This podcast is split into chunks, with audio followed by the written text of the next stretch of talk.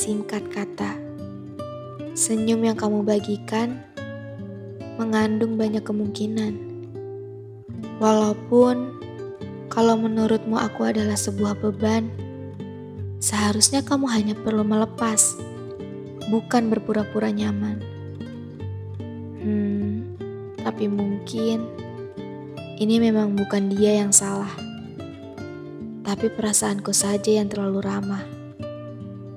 Seakan dunia gelap gulita dan aku menjadi buta akan arah. Sempat memegang erat cahaya untuk menuntun, tetapi ia pergi dan membiarkanku dalam kegelapan, sehingga tidak bisa melihat apa-apa. Ini bukan lagi tentang kalah atau menang, bukan lagi gagal atau berhasil, tapi ini tentang bagaimana bagaimana caranya bisa berdiri tegak kembali setelah dipatahkan berkali-kali.